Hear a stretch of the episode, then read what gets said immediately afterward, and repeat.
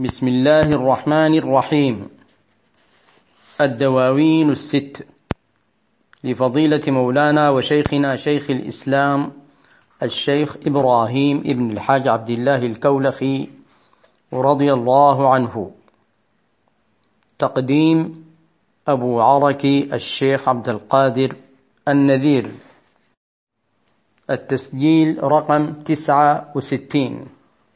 وهو في صفحة 83 من النسخة التي نقرأ منها تكملة لشرح القصيدة التي أولها حمامة وادي الدو ويلك مالك فقد هجت لي تذكار نجل العواتك.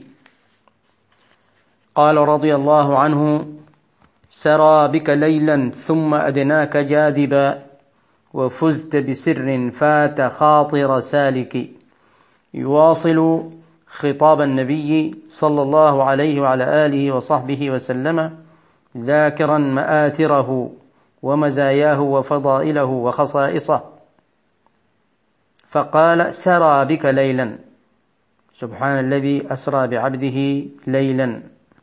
ثم أدناك قربك جاذبا جاذبا لك عن كل الأكوان. وفزت بسر فات خاطر سالك. السر الذي فزت به فات خاطر السالكين. إلى الله تبارك وتعالى. فهو خاص بك. خرجت من الأكوان والسر ساميا. خرجت من الأكوان الظاهرة. والباطنة ساميا أي عاليا. وفت اعتلاء كل حي وهالك. وفت في هذا العلو كل حي وكل ميت. لا يدركك أحد في هذه الخصوصية وهذا المقام الذي أعطاكه الله سبحانه وتعالى. وغبت عن المكنون والغيب راقيا وغبت عن المكنون عن المستور. وعن الغيب حال كونك راقيا. انظر. ساميا. اعتلاء. راقيا. كل ذلك من الألفاظ التي تدل على العلو يتفنن الشيخ رضي الله تعالى عنه في ذكر هذه المآثر العظيمة. وفت لعمري كل دار ودارك. وفت فقت. وتفوقت لعمري قسم. فت كل دار أي كل عالم. وكل دارك أي وكل مدرك. أيا حي يا قيوم يا رب هب لنا نصيبا من السر العزيز المدارك. هنا يتوجه الشيخ رضي الله عنه إلى الدعاء دعاء المولى عز وجل فيقول أيا حي يا قيوم.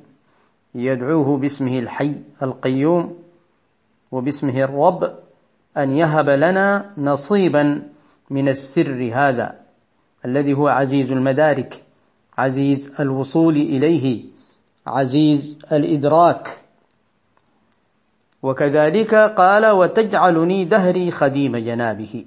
يسأل الله عز وجل أن يجعله دائما خديم جناب النبي صلى الله عليه وعلى آله وصحبه وسلم. باتباعه واتباع دينه ونشر دينه ونشر سنته والاقتداء به ورفع رايات الإسلام. بنفسي وروحي بنفسي وروحي يعني هذه الخدمة تكون دائما بنفسي وبروحي. حال كوني مخلصا عند مالكي الذي هو الله سبحانه وتعالى. أراني عبدا ساءه سوء حاله. هنا يذكر الشيخ رضي الله تعالى عنه عبوديته. ما دام قد توجه إلى الله عز وجل طالبا فهو الآن ينظر ما من الله أولا نظر ما من الله إليه والآن ينظر ما منه إلى الله. العبد عندما ينظر ما من الله إليه يذكر صفات يثني بها على الله. عز وجل فيقول أعطاني المولى كذا وأعطاني المولى كذا وأعطاني المولى كذا.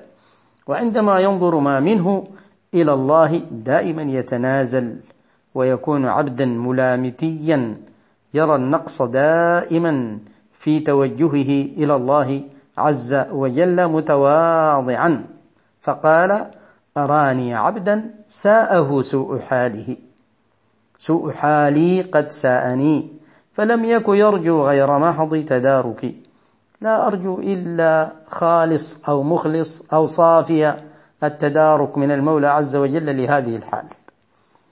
يظنون بي خيرا ولا خير إنما رأوا حضرة المحبوب ستر جمالك وفي رواية ستر جمالك. يظنون يظن الناس بي خيرا هؤلاء الأحباب الذين ظنوا في خيرا واجتمعوا إلي وأتوا إلي من أماكن بعيدة يظنون بي خيرا بشخصي. الشيخ رضي الله عنه يقول ولا خير في الحقيقة بالنسبة لي. إنما رأوا حضرة المحبوب ستر جمالك. إنما رأوا حضرة المحبوب. المحبوب الذي هو النبي صلى الله عليه وعلى آله وصحبه وسلم. وفي هذا إشارة إلى أنه رضي الله تعالى عنه فان في الحبيب صلى الله عليه وعلى آله وصحبه وسلم والجذب والانجذاب الذي يأتي من الناس إلى شخصه إنما يأتي إلى شخص النبي صلى الله عليه وعلى آله وصحبه وسلم. وهذه العبارة يظنون بي خيرا ولا خيرا ذكرت كذلك في أشعار البعض كما ورد في بعض الكتب. ومثلا يقول بعضهم يظنون بي خيرا وما بي من خير ولكنني عبد ظلوم. كما تدري سترت عيوبي كلها عن عيونهم وألبستني ثوبا جميلا من الستر فصاروا يحبوني وما أنا بالذي يحب ولكن شبهوني بالغير فلا تفضحني في القيامة بينهم.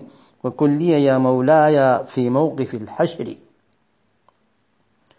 يظنون بي خيرا ولا خير إنما رأوا حضرة المحبوب ستر جمالك فلا تفضحن يوم الوقوف يوم القيامة مقصرا.